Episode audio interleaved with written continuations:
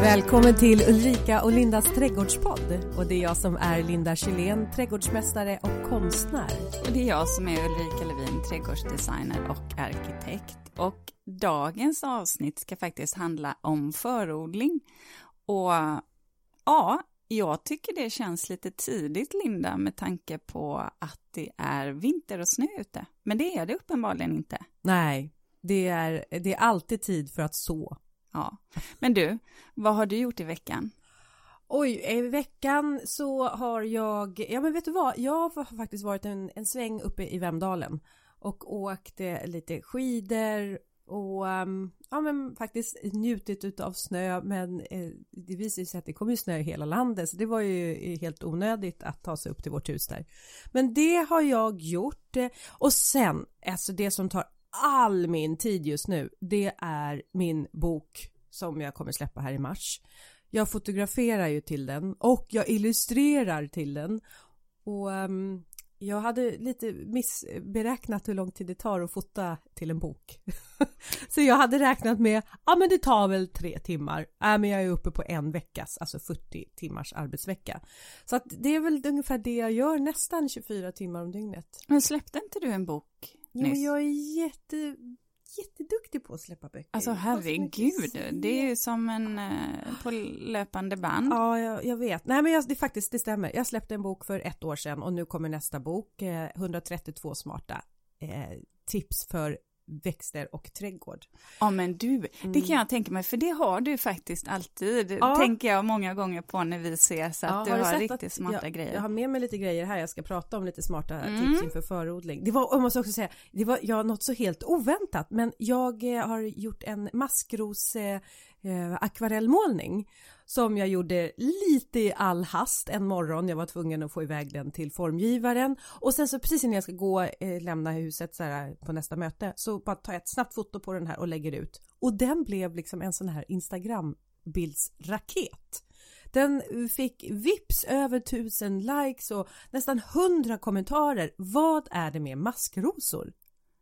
Ja, för det är ju annars någonting som är ganska avskytt i trädgårdssammanhang. Ja, avskytt och väldigt vanligt. Ja, och samtidigt fyller ju en funktion. Ja. Alltså utifrån, det är ju mat. Det är till, biväxt. Ja, ja, verkligen. Och vi, och vi Men, kan äta en del av det också. En reflektion att man, varför ska man krångla till det när man har så fina växter som man kan lyfta? Mm. Själv ja. har jag faktiskt, eh, nej men jag har jobbat på och det är väldigt roligt för eh, jag har också åkt ut och träffat och ska träffa eh, flera av våra lyssnare och ha, och ha rådgivning med dem helt enkelt så att det ser jag fram emot. Eh, och sen så svarar jag ju också på en hel del frågor märker jag som vi, vi får till podden och det är som vi har sagt innan att en del av de här frågorna kommer vi beröra i eh, framtida program. Allt är inte möjligt att svara på eh, faktiskt.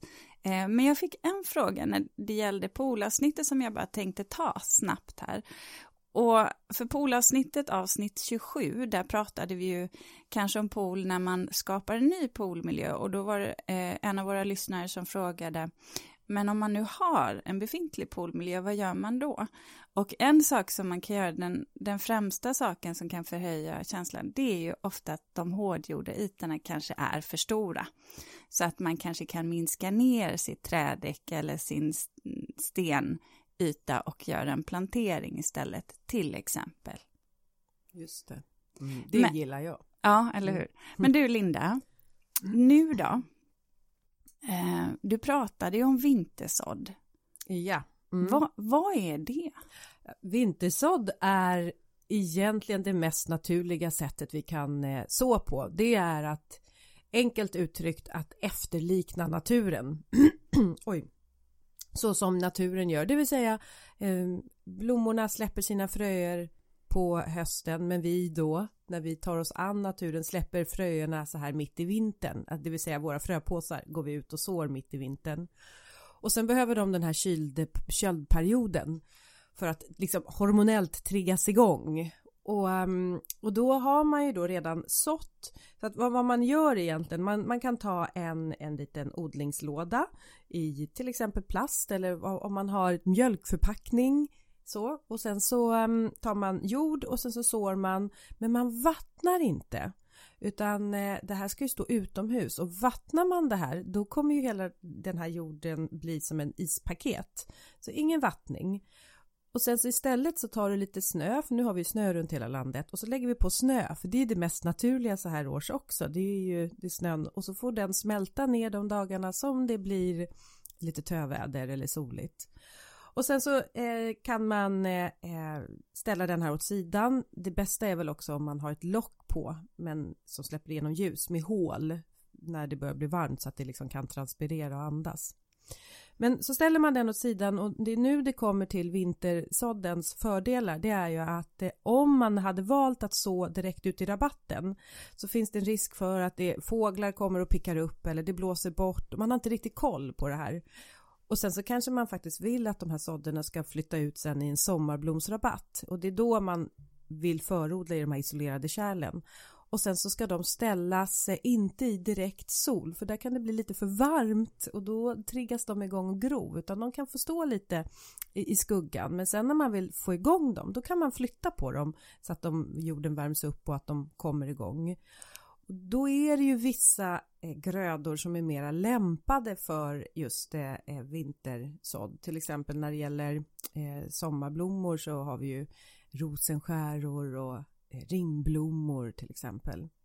Mm. Så att, eh, det här är ju också ett bra sätt om man känner att man inte har tillräckligt med plats inomhus för att förodla på för då kan man ju ha en viss, alltså vissa grödor kan faktiskt förodlas utomhus och sen kommer de igång också tidigt på våren och så kan man då plantera ut de plantorna. För det är ju, det här är en av de aspekterna som gör att jag inte förodlar. Och det är ju det att jag tycker att jag inte har plats och sen så tycker jag faktiskt att det blir lite fult. Eh, för att det, på de ställena som jag kanske ska ha de här, eh, där är våra sociala ytor och ah, ja, ah, jag vill inte riktigt ha allt det där eh, i, i blickfånget hela tiden. Så jag, jag kan säga så här Linda, jag har faktiskt aldrig förodlat, Oj. men eftersom vi ska ha det här avsnittet så ska jag faktiskt testa och jag har några fröer som, som jag vill prova på så jag tänkte jag ska, jag ska ta dem sen så får du säga om det är bra eller dåligt. Men, eh, men du förodlar ju, eller hur? Mm. Eh, och jag faktiskt, eh, jag har varit precis som dig. Jag har tyckt att det förfular inomhus där med alla de här Ja, men här har jag äggkartong som man kan odla i eller mjölkförpackningar, pajformer eller eh, de här färdiga då så kitten miniväxthusen. Jag tycker också att det inte är särskilt vackert och det liksom tar upp allt. Men om man tänker på vad man får ut av det här när sommaren kommer så är det ändå värt det att det under ja, två månader kanske ser lite sådär ut där hemma därför att eh, det blir ändå en sån otrolig njutning av det här. Så att jag, eh, jag, jag förodlar, det, det gör jag. Jag ska bara säga så här, jag vill också nämna, när det gäller vintersådd så pratar jag om sommarblommor. Nu har jag bara, eh, jag tänkte jag måste säga någonting om grönsaker. Och eh, vissa grönsaker som man kan vinterså det är ju då både spenat och morot och salladslök. Så. Mm. Mm. Nu fick jag idé där också. Ja. Gud, gud vad skönt. Ja, nu kan du börja vinterså. För du har ju så stora odlingsytor nu också. Ja, utomhus har jag ju all möjlighet i mm. världen att odla. Mm. Det, är, det är inne där det, där det kör ihop sig lite att det ser mig. Ut. Men, men ja. det är väl just det, ha det med sig att det blir så, man får så mycket glädje av det om man gör det här. Men sen tycker jag också att vi har en förmåga att för så oss, alltså förstår du, man, man försår sig, alltså man, man sår för mycket. Ja. Och, och det kanske inte behöver så hela påsen av kronärtskockor så att du får tio plantor. Utan det kanske räcker med att man sår så att man har tre plantor. Mm. Och sen kanske man får ta några extra frön ifall några inte gror. Men att man, man stannar vid, det, här, det räcker med tre plantor kronärtskockor. Det kan jag nästan viska till min kompis Åsa för jag vet att hon, hon för henne är det okej okay om hon översår för att hon, hon är så generös att jag fick förra året massa fina kronärtsplantor av henne för att hon hade sått för mycket. Men det blir ju lite så här, ska du så för dig eller dina vänner? Så att försök att vara lite så här strukturerad där så att man har. Mm. Det, det, har jag lärt mig efter förra året. Ja, jag ja. fick ju en ja. uppsjö av zucchini. ja, en bonanza kände... blev det där. Ja, ja. verkligen. Men, eh, men sen är det också så här, tycker jag, när det gäller förodlingen att eh, alla, nu sitter vi nu här i mitten av februari och det är ju inte all, absolut långt ifrån alla fröer som ska ner i jorden redan nu. Utan här pratar vi om de här grödorna som har lång eh, startsträcka. Som tar kanske en tre månader på sig, i alla fall två, tre månader på sig att gå från frö till planta och utplantering. Och här är det ju då det är kronärtskockor, tomat och chili såklart. Och sen har vi när det gäller sommarblommor så har vi ju verbenor, lejongapen till exempel. Det här är ju då grönsaker som, och blommor som har lång tid eh, för att komma liksom. Och sen är ju det att våran korta säsong som vi har, där hinner ju inte alla grönsaker komma upp och, och blommor heller hinna blomma. Så att de behöver den här hjälpen. Mm. Men, de, men annars skulle jag säga att min stora förodlingsperiod, den drar jag igång i början av mitten, början mitten av april. Mm. Då dundrar jag på ordentligt. Mm. Så att eh, nu är det lite så här, hm, hm, hm, Men vad ska, vad, alltså vilka grönsaker ska man helst förodla då, även om man kan så dem på friland? Mm. Jag har ju till exempel bestämt mig att jag ska våga prova på grönkål eftersom jag lärde mig hur man Just skulle det. hantera. Mm. Det kan du nog, alltså kål, det kan du nog också vinterså. Aha. Ja. Ännu bättre. Ja, ännu bättre kan mm. du prova på att göra det. Men ehm, Ja men alltså det är väl egentligen även våra, jag menar jag brukar förodla faktiskt, jag har till och med förodlat mangold. Jag har till och med förodlat plocksallad och um, Potatis definitivt sätter jag på förodling. Och då gör inte jag så att jag lägger den i fönstret och så kommer det upp groddar utan här sätter jag dem i kruka.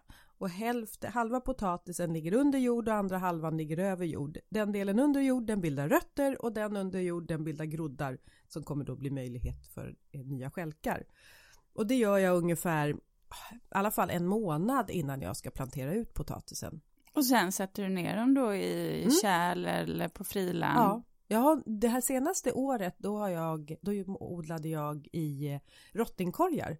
Mm. Så att, alltså jag vill ju också att det ska vara lite snyggt sådär. Så att då odlade jag i rottingkorgar i mitt växthus. Men det var för att jag hade en, en sån här, eh, ett uppdrag av TV4 där vi skulle odla potat, färsk potatis lagom till midsommar, Precis. Maria, jag och Martin. Och det var så roligt för att just det här lyssnade faktiskt min man på. Ja. Så nu har han sagt att, vet du vad, vi ska odla potatis i kruka. Ja. Eller i hinkar. hinkar ja. ja.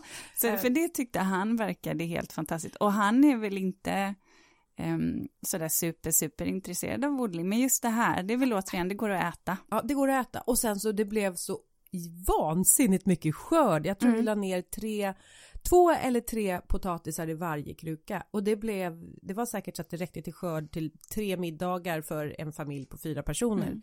Så att det blir väldigt ja. mycket och sen ska jag säga att jag njöt väldigt mycket utav att ha de här krukorna med potatisodlingen i växthuset för det blev en ganska snabb vacker grönska. Mm. Ett tag tänkte jag, åh nej, jag kommer bara få en massa blad, det kommer inte bli några knölar. Jag var ganska orolig men jo då, mm. det var det. Så att eh, potatis är också någonting man verkligen kan föra förodla. Men och hur mycket vinner man på det, alltså i tid? För jag tänker, du får, det innebär väl att du får potatis snabbare? Ja, jag skulle säga att du, du åtminstone kan vinna, ja men säg en eh, två, tre veckor. Mm, ja, alltså du kanske till och med kan vinna en månad, men, mm. men eh, åtminstone de där mellan två och tre veckor. Fasen, jag kommer få sätta jättemånga du ser du lite så här, och jag såg hur du svävade iväg i tankarna ja, där. eller hur, eller hur. Ja. Eh, men några andra grönsaker som, som du skulle vilja eh, höja som man verkligen ska. Mm. Så. Om jag nu ska ta några nyheter på grönsaker. Ja. Ja, det är alltid, alltid kul att få lyfta fram. Så skulle jag vilja säga, det finns en, eh, en bondböna och nu när vi pratar om hur mycket tid tjänar man på det här för mm. det är ju skörden man vill ha. Och den här bondbönan den heter Express. Aha. Ja, det säger ju någonting. Mm. Och det är en, en mycket tidig bondböna som eh, man skördar då, då såklart efterhand. Eh, och det, den finns också som eh, ekologiskt frö. Så den tycker jag, den, då får man igång någonting snabbt. Jag tror att det här med bönor och ärtor, det är någonting som är en eh, Alltså det, det, är en, det, är en, egen rörelse kring det. Alltså, jag tror att det kommer bli ganska eh, hett. Alltså för bönor gör ju nytta också till jorden som eh, eh gödsel, alltså gröngödselväxter. Mm, kvävefixerande. Ja, Fixerande, ja. de är ju mm. liksom bra, bra växter ur, ur två sidor. Och sen så gillar jag också när man har grönsaker som skapar höjd i eh, sin köksträdgård. Man kan bygga upp lite väggar och det kan man ju utav bönorna. Men sen så tycker jag också en annan och det är quinoa. Quinoa, ah. ja och quinoa är ju någonting jag använder mig av mycket av eh, quinoa i eh, ja men så här, eh, frukost och... Ja, mm. sallader. Ja, man mm. kan ju använda det till mycket. Ja, ja. ja. Mm. Så, så den kan man ändå ja. odla här. Eh, och den är ju då glutenfri och eh, det är också så här väldigt lättodlad men det man ska veta när man odlar quinoan eh, vikinga heter den här sorten det är att blomningen är, är känslig för eh, frost så att det sker ju någon gång i juli, augusti, september så börjar de här att komma upp i blom och det är ju de där fröna som man vill åt och därför så ska man ha lite obs på om vi får så här frost eh, då på hösten.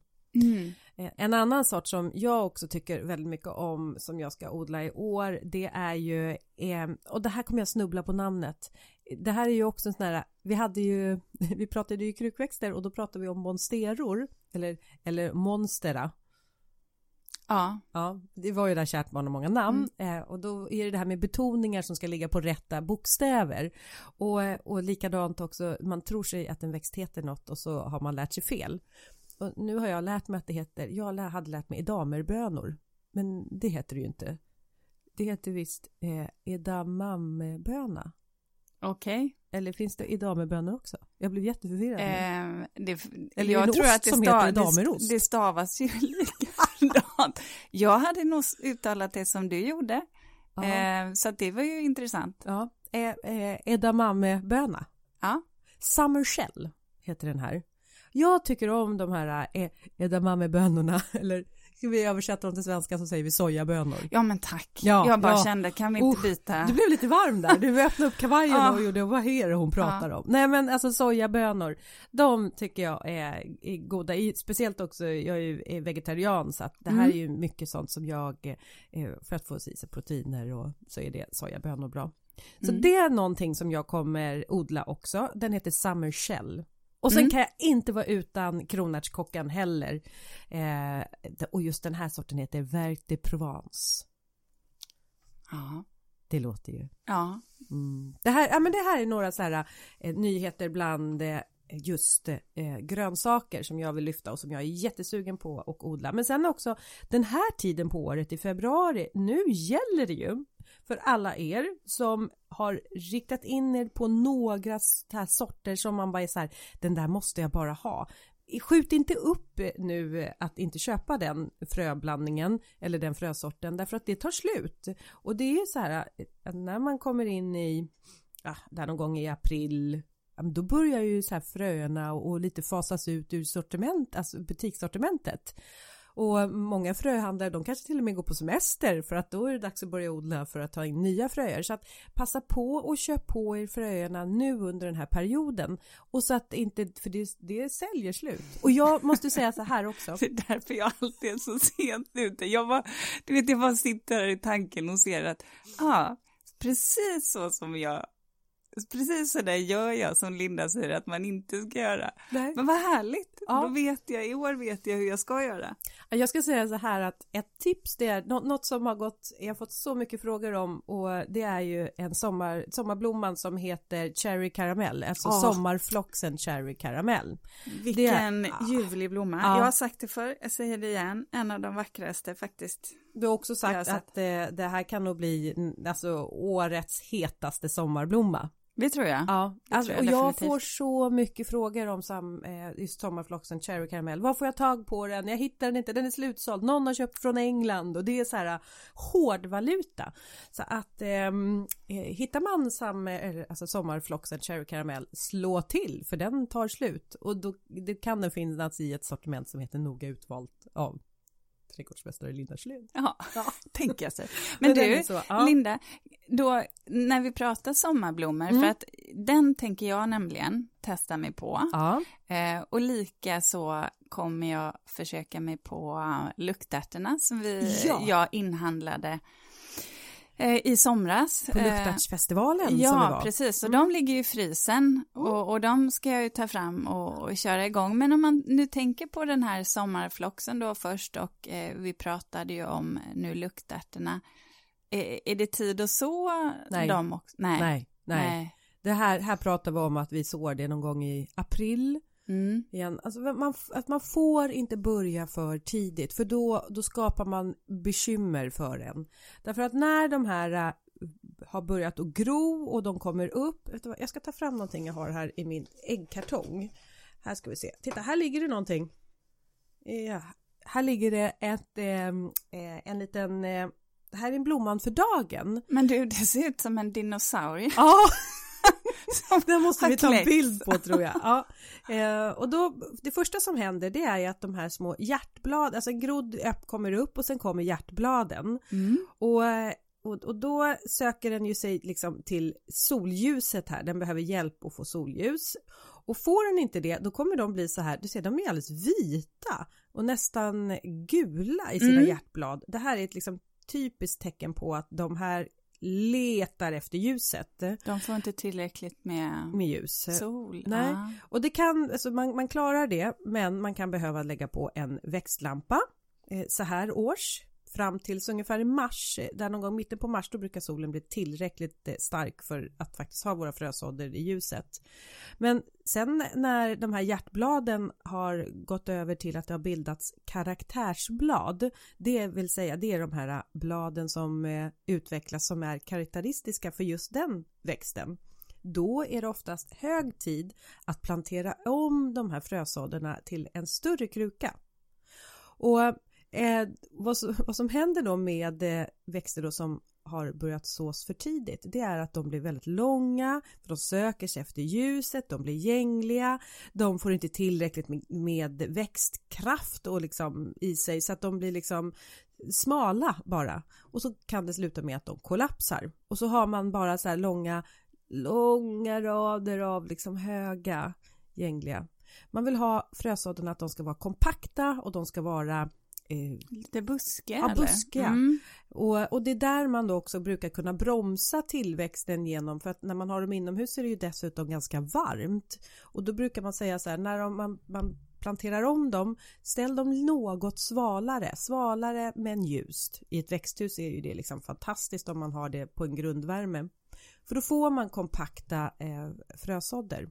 Och det är det man vill åt. Men, men då, då är ju det här, återigen, då blir det ju flera moment eh, för en sån som jag som, eh, som inte gör det här.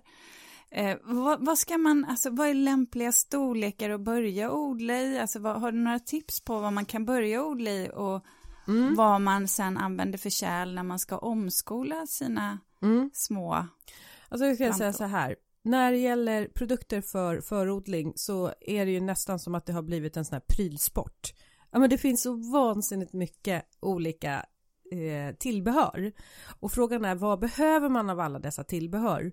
Och då skulle jag ju säga att eh, jag, jag själv föredrar de här eh, pluggarna som är som odlingspluggar och både i de brätterna som finns men även då de pluggarna som eh, tillhör och ehm, det är för att de här pluggarna de är eh, liksom, de är ju bakade så de är liksom kompakta. Så när man står i köket och håller på och ska förodla vilket oftast det är det, det stället man hamnar i, så finns det risk om man har massa jord att det hamnar jord överallt. Alltså jord, det bara sprider sig. Men med de här pluggarna så blir det inget skräpigt utan det är, det är liksom en väldigt isolerad odling. Och sen så finns det en liten urgröpning i pluggen där man lägger fröet. Och när sen plant, den här lilla frön gror och utvecklar rötter så får de en väldigt fin möjlighet att utveckla sitt rotsystem. För den här eh, odlingspluggen den är tillräckligt så här porös. Och, eh, och när det är dags för omplantering då behöver man inte hålla på och bråka med rotsystemet när man ska liksom lyfta upp den. Det finns risk när man odlar i jord att det bara rasar isär utan då kan man bara ta hela pluggen och sätta över då i en större kruka. Det är ett, ehm, så att eh, ja, det föredrar jag, men annars så, ja, alltså har du sett, jag odlar i äggskal. Mm. Och som jag, det här äggskalet är inte riktigt perfekt heller för att det är helt i botten. Ja, just det. Ja. Det är klart. Ja, eh, jag måste göra hål på det. Mm. För det är så viktigt när man odlar i, i sådana här saker som man har hemma som kanske inte är till för att odla i. Att man ser till att det är hål i botten så att det verkligen vattnet kan dräneras bort. Mm. Men jag odlar äggskal. Det här är väl liksom en av de mest klassiska att odla i eh, toarullar eller hushållsrullar. Men när man gör det, klipp små jack i botten så att man kan vända in botten så att det inte bara blir, annars så rasar ju allting ut. För du, jag måste ju säga att du har ju lyckats eh, fylla en toarulle med väldigt mycket jord, Linda. Åh nej, kommer du ihåg? det är klart jag gör. Det stopp i huvudet på mig. Alltså det måste jag berätta, jag var lite stressad. Eh, det var direktsändning, eh, TV4 var hemma på min balkong och så skulle vi då göra, jag skulle visa det här med toarullen och jag började ösa upp jord i toarullen eh, så här för jag skulle odla fröna, bönorna där i. Men jag bara öste och öste och så skakade jag till det där för att jorden skulle komma ner i botten. Aha, fyll på med mera jord. Och till slut så frågar då Carro mig, eh, reporten där, men Linda vad är det du håller på med? Och så slog mig, ja vad fan ska jag hålla på med? Det är ju, den är ju, det är ju ingen botten i den här. och jag öste säkert det, jag är den enda som har lyckats hälla i en hel jordsäck i en toarulle. Ja. Men du vet när man är lite stressad och man har mycket att tänka på då, då hänger inte hjärnan riktigt med vad händerna gör. Nej, så ska man odla så ska man alltså vika till toarullen eller hushållspappersrullen ja. för att uh, få en botten. Ja. Mm. Ja, nej men så, att, så där är väl, där är ju bra, men och så använder man sig av jord då, vilket man gör när man odlar i toarullen mm. till exempel, eller om man bredsår, eh, man har många små fröer, du ska odla plocksallad till exempel, eller då kan man bredså. Men, men förlåt, nu, kan, nu kom en kanske dum fråga, men om jag då har odlat i äggkartong eller hushålls, eller i toarulle, mm när jag ska då omskola de här, då behöver jag ta bort, jag behöver ta ur dem ur förpackningen, för det är inte så här att det här förmultnar. Jo, Ja, ja, så jag jo. kan bara stoppa ner det Du kan bara stoppa ner det i en kruka. Ah. Det kan man göra, för det här, jo men det förmultnar och det kommer bli blött och rötterna de kommer ta sig ut och igenom, så det gör man. Det är ju jättesmart. Mm. Den, ja, men det är det jag gillar, när man inte behöver hålla på och plocka för mycket i rotsystemen. Ja, och väldigt cirkulärt Ja, tänk. väldigt cirkulärt mm. är det. Mm. mm. Men, men sen visst, sen finns det ju faktiskt många utav de här eh, krukorna eh, som oftast är då gjort i ett eh, material, till exempel då plast, men det kan vara eh, alltså de, det finns väldigt många nu bra produkter som är i eh, återvinningsbart material. Så, och speciellt då om man är lite försiktig om den där så kan man ju dessutom återvinna krukorna från år till år. Ja. Så, att, så det är väl någonting eh, jag kan tycka. Ja men precis. Men, eh, och då kan det vara viktigt att säga att när man återvänder gamla krukor så får man ibland vara ganska noga med att tvätta ur dem så att man inte har Ja, det ja. får inte finnas sjukdomar eller bakterier Nej. kvar i dem. Nej, och det är väl, alltså jag kan ju se de här krukorna som man ska plantera i, de är ju som små, när man, man fick barn, det är som små bebissängar. Man vill ju att det ska vara rent och fint tills nästa lilla bebis ska starta sitt liv här i. Så att det, det känns här bara naturligt att det är klart att man, man gör rent dem innan. Mm. Ehm, men så det, det, är väl det som jag kan tycka. Och sen såklart en såjord och såjorden behöver man ju ha därför att den är näringsfattig och den är väldigt eh, lucker. Och det här är, är faktiskt något när man misslyckas med sin förodling så finns det vissa saker som man kan liksom eh, åka dit på. Det ena det är om man odlar jord att man eh, trycker till jorden för hårt. Man liksom trycker och klappar till den för hårt i eh, krukan till exempel. Jag föredrar, och så har jag lärt mig, att man fyller krukan med jord och sen så skakar man ner jorden där i, så där som jag gjorde fast i min toarulle utan botten. Men då har man botten, så man skakar ner det så kan man slå det lite i, i bordsskivan så att det liksom kommer ner. Och sen eh, vattnar man på det här och när man vattnar då sjunker jorden ner ytterligare. Sen tar du och sår dina frön och lägger på ett nytt lager jord. Eh, och så kan man liksom lite eh, platta till försiktigt bara sådär så att man vet att jord, eh, fröet har fått fäste i jorden. Eh, och det är inte alltid att de här fröna heller ska, så att, att man har för kompakt jord, det kan vara en, en anledning till att inte, ut, att inte den gror, för den klarar inte av att utveckla rötterna. Det är för hårt för rötterna att tränga igenom.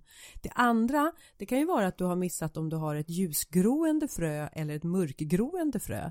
Har du ett ljusgroende, då ska du ju inte ha, ha jord över. Då kanske du får ha någonting som eh, perlit till exempel, en mm. vulkaniskt material.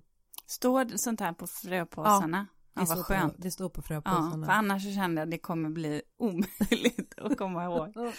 ja, annars får jag ringa dig hela tiden, ja, men det går ju inte. Men, eh, och då ska jag också säga så här, när man har kommit så här långt så då, då är man ju liksom på god väg. Men det finns fortfarande vissa hinder man ska liksom mm. passera i den här banan. Mm. Och det är att eh, man ska antingen, vissa fröer, de vill placeras varmt för att börja gro. Och då kan det vara så att de behöver stå på eh, till exempel värmegolvet ovanför kylskåpet, där brukar det vara varmt eller om man har investerat i en sån här värmematta för sin odling. Och, för då behöver de värmen för att trigga igång. Andra vill stå lite kyligt för att komma igång men det där står ofta också på Eh, fröpåsen. Mm. Och sen så vill man ju heller inte att det ska torka ut. Det får absolut inte torka ut för det här är liksom ett stadium där det är lite känsligt.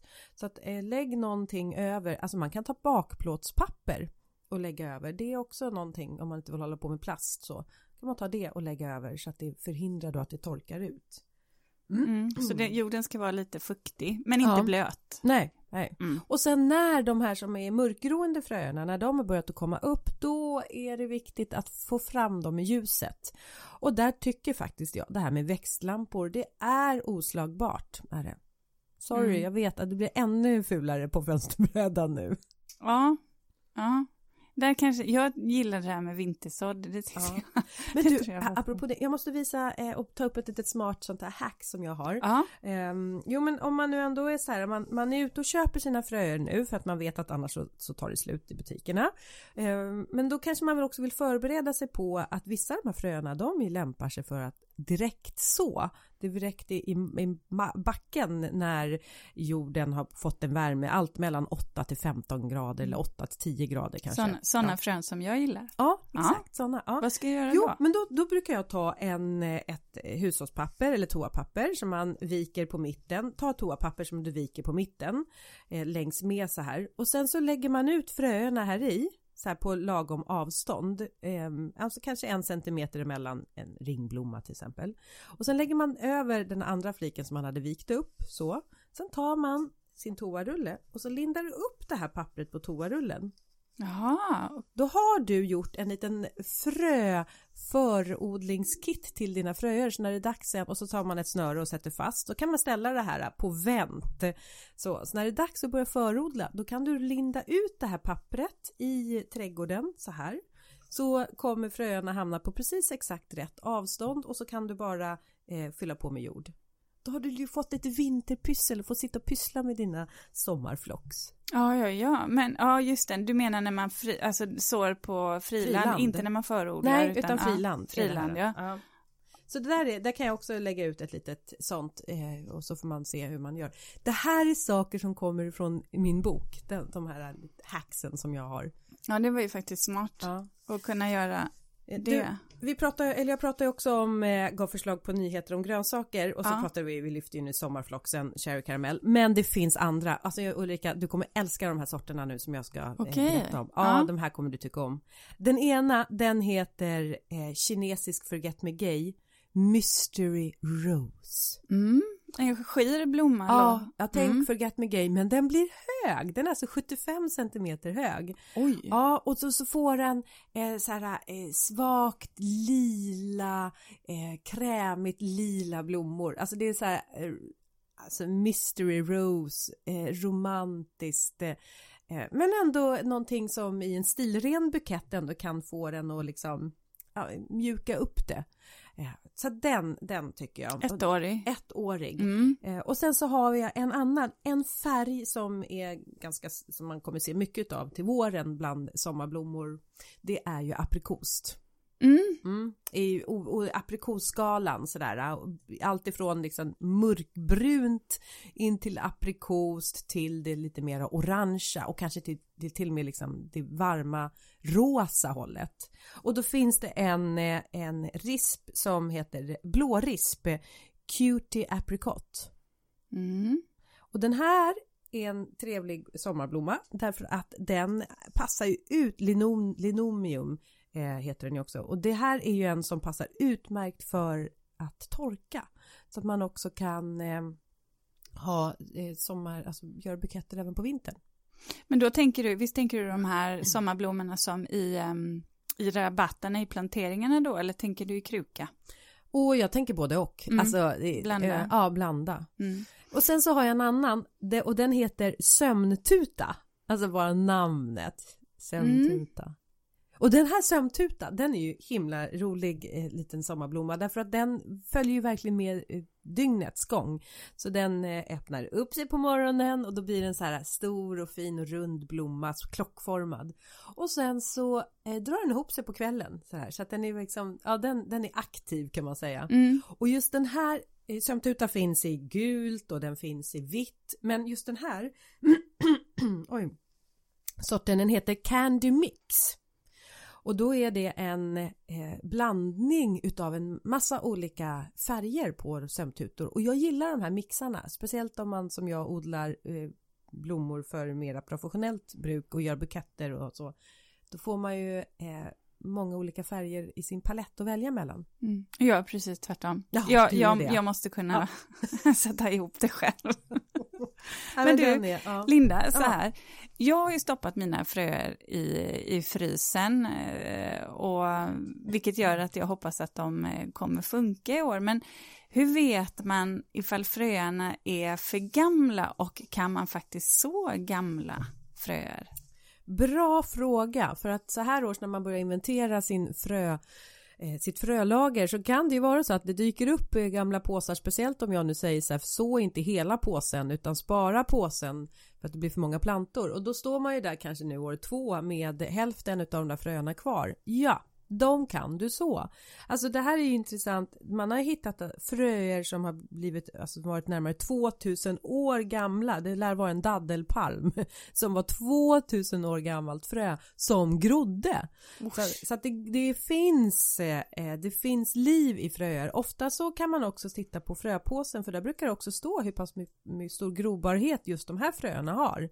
Och då kan man ju se, men är det 50% grobarhet, ja men då, vet, då kanske man om man har sparat det här att man kanske har 25% grobarhet kvar på fröerna. Och det betyder att man sår lite fler fröer. Så i den här lilla pluggen istället för att jag sätter i ett frö så kanske jag sätter i tre fröer om jag har och så får man gallra sen då. då. Men, men absolut att du kan eh, så. Man kan ju också testa sina fröer om det är grobarhet i dem. Och större fröer, enklaste sättet det är hälla upp ett glas med vatten, fyll påsen med krassefröna till exempel där i. Och de som efter någon timma sjunk, har naturligt sjunkit ner till botten eh, är det liv i. Man kan få röra runt lite i vattnet sådär en gång. Eh, de som sjunker ner till botten är det liv i medan de som flyter på ytan är bara tomma skal. Ja, vad smart. Mm. Och ska man då testa mindre fröer eh, som inte, jag menar som ligger på, du vet, ytan. Vad som kommer flyta oavsett. Ja, oavsett mm. ja. ja. Då får man göra, och speciellt sådana som är ljusgroende, då får man göra det här på, så på en eh, disktrasa som håller fukten. Låt det sitt, vara framme i en ja, ett dygn, två dygn till och så ser man om det öppnar upp sig. Men då gäller det ju också så de där små fröerna. Då får man ta fram en pincett och så får man så här, så de där fröerna för att du kan ju inte testa grobarheten och sen inte så. Och ha en fräsch disktrasa. Ja, den var uppe. Jag, jag hakar upp med den och så Ja, disktrasor. Nej men ta på lite, lite hushållspapper. Men jag fattar vad du menar, handduk någonting kanske, som någonting kan håller hålla fukten. fukt. Det under- finns ju sådana också eh, odlings, alltså dukar som man kan köpa. Också än en gång, det är liksom det är produkter, det finns, allt finns och, och hjälpa. Man ska ju se det som faktiskt hjälpmedel. Mm. Men nu när man har haft dem i frysen då, eh, behöver jag ta fram och tina dem eller kan man bara stoppa ner dem? Alltså i princip, det spelar ingen roll om du tinar dem utanför krukan eller i krukan. Nej. Utan det är ju eh, liksom samma. Det är bara att sätta ner Ja, det är dem. bara att sätta ner Ja. dem. Mm. Eh, gud vad spännande. Vet du vad, jag har faktiskt inte lagt mina luktärtor i frysen. Eh, Jag vet att vi, vi fick det eh, liksom, tipset att det är där de ska förvaras men jag, jag funderar, jag kan ju slänga in dem, jag kan ju ta ut dem nu också för det är minusgrader men jag funderar på om man ändå kanske skulle göra ett litet experiment och se om vad händer med de där fröna Mm. som jag inte har förvarat i frysen. Ja, men det skulle vi ju kunna Mm. göra. Vi kan ju det. testa. Ja, förvaring av fröer, för vissa säger i frys, andra säger torrt och mörkt. Ja, Mm. Eller har den, alltså, påverkas det? ja, Ja, vi testar. Jag får Ja. testa. ja, Mm. ja, verkligen. Jag ska också prova med dem, men det är lite för tidigt. Luktärtorna skulle ju komma. Det, Ja. De ska man eh, så Ja. mycket senare. Ja, men, ja, men det är inte förrän i uh, april där skulle jag säga. Eh, men du, eh, alltså förutom luktärtor då, vad ska du så då? Vad, alltså i blommor tänker jag nu. Eh, nej, men jag ska så sommarfloxen. Ja. Och sen, sen vet jag inte om jag ehm, ska våga mig på något annat faktiskt. Svart, heter de inte svartöga? Ja, just det. De tycker jag kan Ja. vara fina, den vita sorten. Jag hade den i växthuset förra året och då hade jag, fast jag hade ju inte såklart den vita, jag hade den gula. Ja, Ja, eh, det enda med svartöga som jag upplevde det var väl att den skräpade lite Ja, i och med att den tappar. precis. Men det gör mig ingenting. Nej men då får man ha den, då sa vi det, då får man ha Mm. den en lite större kruka. Mm. Eh, nej, jag tror, jag, jag vet inte riktigt, jag känner att jag har så många andra grejer på gång i trädgården hemma som ska göras med perenner och kanske buskar och sådär så att jag vet inte om jag kommer mäkta med. Säg alltså det byta altan och... Ja, du säger som det måla Du vet hus. att jag ska ha en stor sommarblomsodling här Ja. på baksidan och vi träffas varannan vecka. Så Ja. att det här kommer du, du vet vad Ulrika, alltså det underbaraste med dig det är att du har så bra planering. alltså du, du ser, jag, ska, jag har så mycket att lära mig av dig. Ja då är vi det- detsamma höll jag på att säga. I varje fall Ja. när det gäller Släppa på den. det här alltså. med, ja eller jag tänkte snarare så här, det här avsnittet har ju lärt mig en hel del Mm. eh, faktiskt. Eh, Linda, är det någonting mer här nu som, som du tycker att vi ska ta upp när det gäller förodling som vi inte har pratat om? Nej men jag tror att vi har täckt in det mesta, alltså som alltid när det gäller de här ämnena som vi tar upp. Vi, vi, vi sår ett frö för att det här är någonting. Kör du Göteborgshumor nu? Ja, Ah, okej. det bara kom till Ja, mig. Jag- var I'm a kom, ah, natural. ja, ja. Eh, Nej men och sen så kan man ju då så får man ju självklart sen liksom djupdyka vidare i det här. Jag vet att det finns en bok som är bara är skriven om just fröer. Alltså det finns ju så mycket mer att lära sig om det här med eh, fröer och förodling och eh, men man kan väl säga så här att eh, jag hoppas att man ändå har fått lite så här, ah det är dags nu, att vi får vara de som säger till att nu, nu går startskottet och häng på här nu. Och oavsett om det blir så här trist på fönsterbrädan så kommer ni ha så mycket glädje av det. Ni får försvara era, era frösådder för familjen och säga ni kommer glädjas av det här i sommar när jag dukar bordet med vackra buketter och serverar i den godaste sommarlunchen med edamame med brönor. Eller Vet du, ja, vet du vad jag kom på att jag faktiskt, jag, jag har faktiskt odlat inomhus. Jag odlar ju gula ärtor Mm. och tar ärtskott. Ja, ja, ja. Och det, Det- funkar ju. Ja, men då har du säkert en, en liten schysst liten låda för det som är En glasburk En som är glasburk fin. Som är fin, ja. ja. Men vi, vet du vad, jag tänker att vi måste nästan efterlysa, vi kanske själva får ta fram lite snygga växtbelysningar och eh, eh, snyggare design, alltså snygg och snygg, men liksom någonting som passar inte bara för, jag håller med dig, det kan ibland se ut som ett ufo har landat in i vardagsrummet Ja. när man tar in de Ja. här växtbelysningarna och de här Mm. odlingskärlen. Tänk om man kunde få det mer att passa in, eller Ja. en insats att sätta in i en vanlig Mm. kruka. Måste alltid förodlingarna vara så här eh, avlånga? Kan de inte vara i en rund form? Ja, ja nej, det tål att tänka på. Ja, för ja. jag tycker att... Um, Hör av er om ni vill att vi ska utveckla. Eller hur? Ja. Ja, men vad bra. Mm. Ehm, då har vi täckt in så mycket vi hinner Ja, mycket av, vi hinner. Ja, av ämnet. Ja. Ja. Mm. Vad, vad har du för reflektion för veckan? Ja, men vet du, jag har en reflektion över förväntningar. Ja, Ja. och när kanske inte förväntningarnas, eh, alltså man inte upplever förväntningarna. Mhm. Mm. Jo men så här var det. Eh, jag var med på TV4 här för ett par veckor sedan och då skulle jag prata krukväxter. Och det gjorde jag. Och jag tyckte att jag gjorde det jättebra. För först hade vi sagt att vi skulle prata första delen då om eh, lite så här, hur tar man hand om vintertrötta krukväxter? Vad gör man liksom? Och sen så för att väcka dem till liv och så. Och sen så andra delen skulle jag prata om lite nyheter om krukväxter. Vad finns det, vad ser vi för trender och vilka olika sorter? Och det gjorde jag och jag kände att det här gjorde jag bra. Det här var bra liksom. Det är så mycket som är, när man står där i rutan, man ska tänka på så mycket. Men där kände jag, att det var bra. Men Eh, sen när jag, när jag började titta på några kommentarer som hade skrivits eh, i ett Instagramflöde så var det några som hade kritiserat och sagt att det här lärde man sig ingenting nytt och det här var inte alls, eh, eh, det var ju bara eh, köpa nya krukväxter. Och då tänkte jag, men vad konstigt för jag pratade ju om eh, just ta hand om de här krukväxterna som var lite vintertrötta. Men så såg jag sen när jag tittade på inslaget att då hade ju då rubriken låg ju fortfarande kvar. Ta hand om vintertrötta krukväxter fast jag pratade då om eh, nya sorters krukväxter. Och då är det klart att man blir jättebesviken och man undrar vad, vad, vad står jag och pratar om och, och hur viktigt det är då att eh, man har en förväntningarna att de upplevs och innehållet stämmer överens och att man håller sig till det innehållet som man då har bestämt att man ska prata om. Det där kan ju vara knepigt också ibland. Det kan jag själv känna.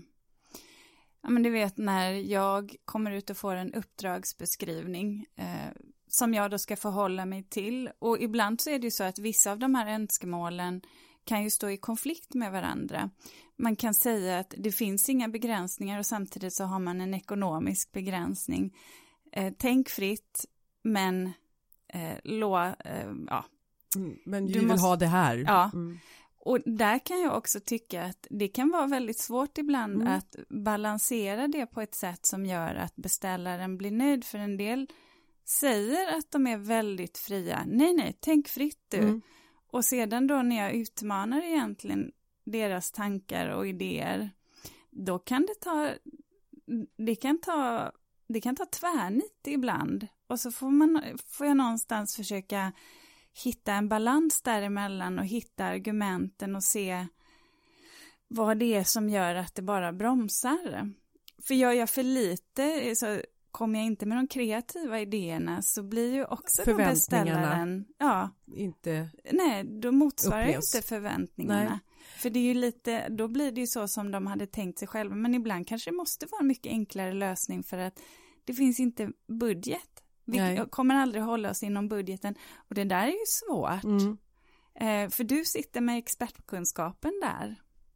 Nu var det ju inte så, nu var det ju så att det stod fel så att man kanske inte visste Nej. vad innehållet skulle vara. Men det där är ju att du har kunskapen och ibland så är det ju så att det inte kanske alltid går att nå hela vägen fram med att motsvara förväntningar för att de kan också vara orimliga. Mm.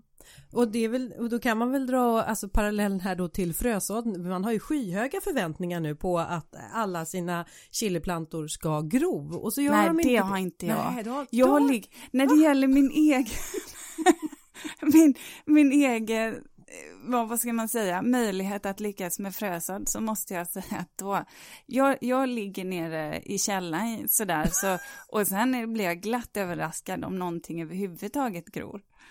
Ja, ja, nej men det är väl så här, är man med i leken får man leken tåla. Men det är klart att ibland så känner man lite så här, hmm, ja, så. Jag tycker du ska hålla fast vid den där känslan av att du gjorde det bra. Ja, tack för det. För den tror jag ja. stämde. Ja, hoppa, ja, jo, Mm. du gör det. Ja. Ja. Men du, det här var min reflektion, förväntningar och att man ska leva upp till det. Och, och eh, vad har du för en reflektion? Oh, nu, har... jag mig så här, nu lutar jag mig bekvämt tillbaks ja. för att det brukar alltid vara eh, kraft i det här. Någonting ja. är spännande. Vet du vad, men det är det inte idag. Det är en Va? väldigt ytlig spaning Nej, och det är också en förväntan som jag måste uppfylla. Ja, du ser! Eh, gentemot dig. Och det är det här, vi ska nämligen ta en pressbild nu. Aha. Vi har en fotograf som kommer hit och för alla er lyssnare så är det ju så här att jag tycker det är lite jobbigt att bli fotograferad. Jag blir inte, eh, jag är inte helt bekväm och så har jag ju då du Linda som är fantastisk på, du blir supersnygg på bild och du kan bara, du bara hittar de där poserna utan att anstränga dig. Oj. Ja. Och, och det här, alltså, så att nu har jag suttit här och även igår kväll så satt jag och oroade mig och jag vad ska jag ha på mig, hur ska jag stå, jag har inte övat, skulle jag övat i spegeln? hur... Ja, och nu, tror, nu vet jag att vi har en väldigt duktig fotograf, så jag är ja. ganska säker på att Anneli kommer um, instruera mig så att det blir bra och men så här är det ju Linda, att baksidan är min bästa sida och annars är jag bäst live. Det är så det är.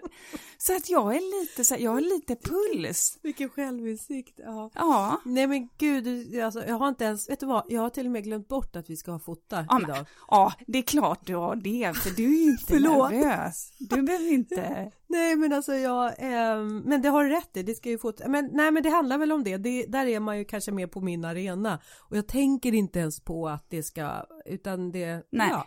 nej, ja. vissa ja. kan ju motsvara förväntningarna väldigt enkelt. så, att, så här, jag tänker så här, vi ska, vi ska avsluta nu för mm. jag, jag måste gå över lite framför, framför spegeln. om inte annat pimpa till mig lite. Så, eh, vi har ju vårt Instakonto, eh, Ulrika och Linda, och Eh, passa på att lyssna på kanske vårt gamla avsnitt om sommarblommor eh, och vår luktarts eh, special. Just det. Tänker jag. Ja, och om... sen har vi även din grönsaksodling som vi, vi, vi ja. Eh, ja, i del 1 och 2 var det. Ja. Så det... att vi har, åh, ni har så mycket att lyssna på. Köra på, om man vill friska upp minnet lite. Ja. ja. Så Men... Tack vi... för att ni lyssnar. Ja, tack. Vi ses om en vecka. Ja. Hörs. Och kanske på Insta också. Ja, ni precis. får kolla vi ses bilden. på Insta och så hörs vi om en vecka. Ja, det gör vi. Ha det bra. Hej då. Hej. Ja. Jaha, men vadå, så nu ska du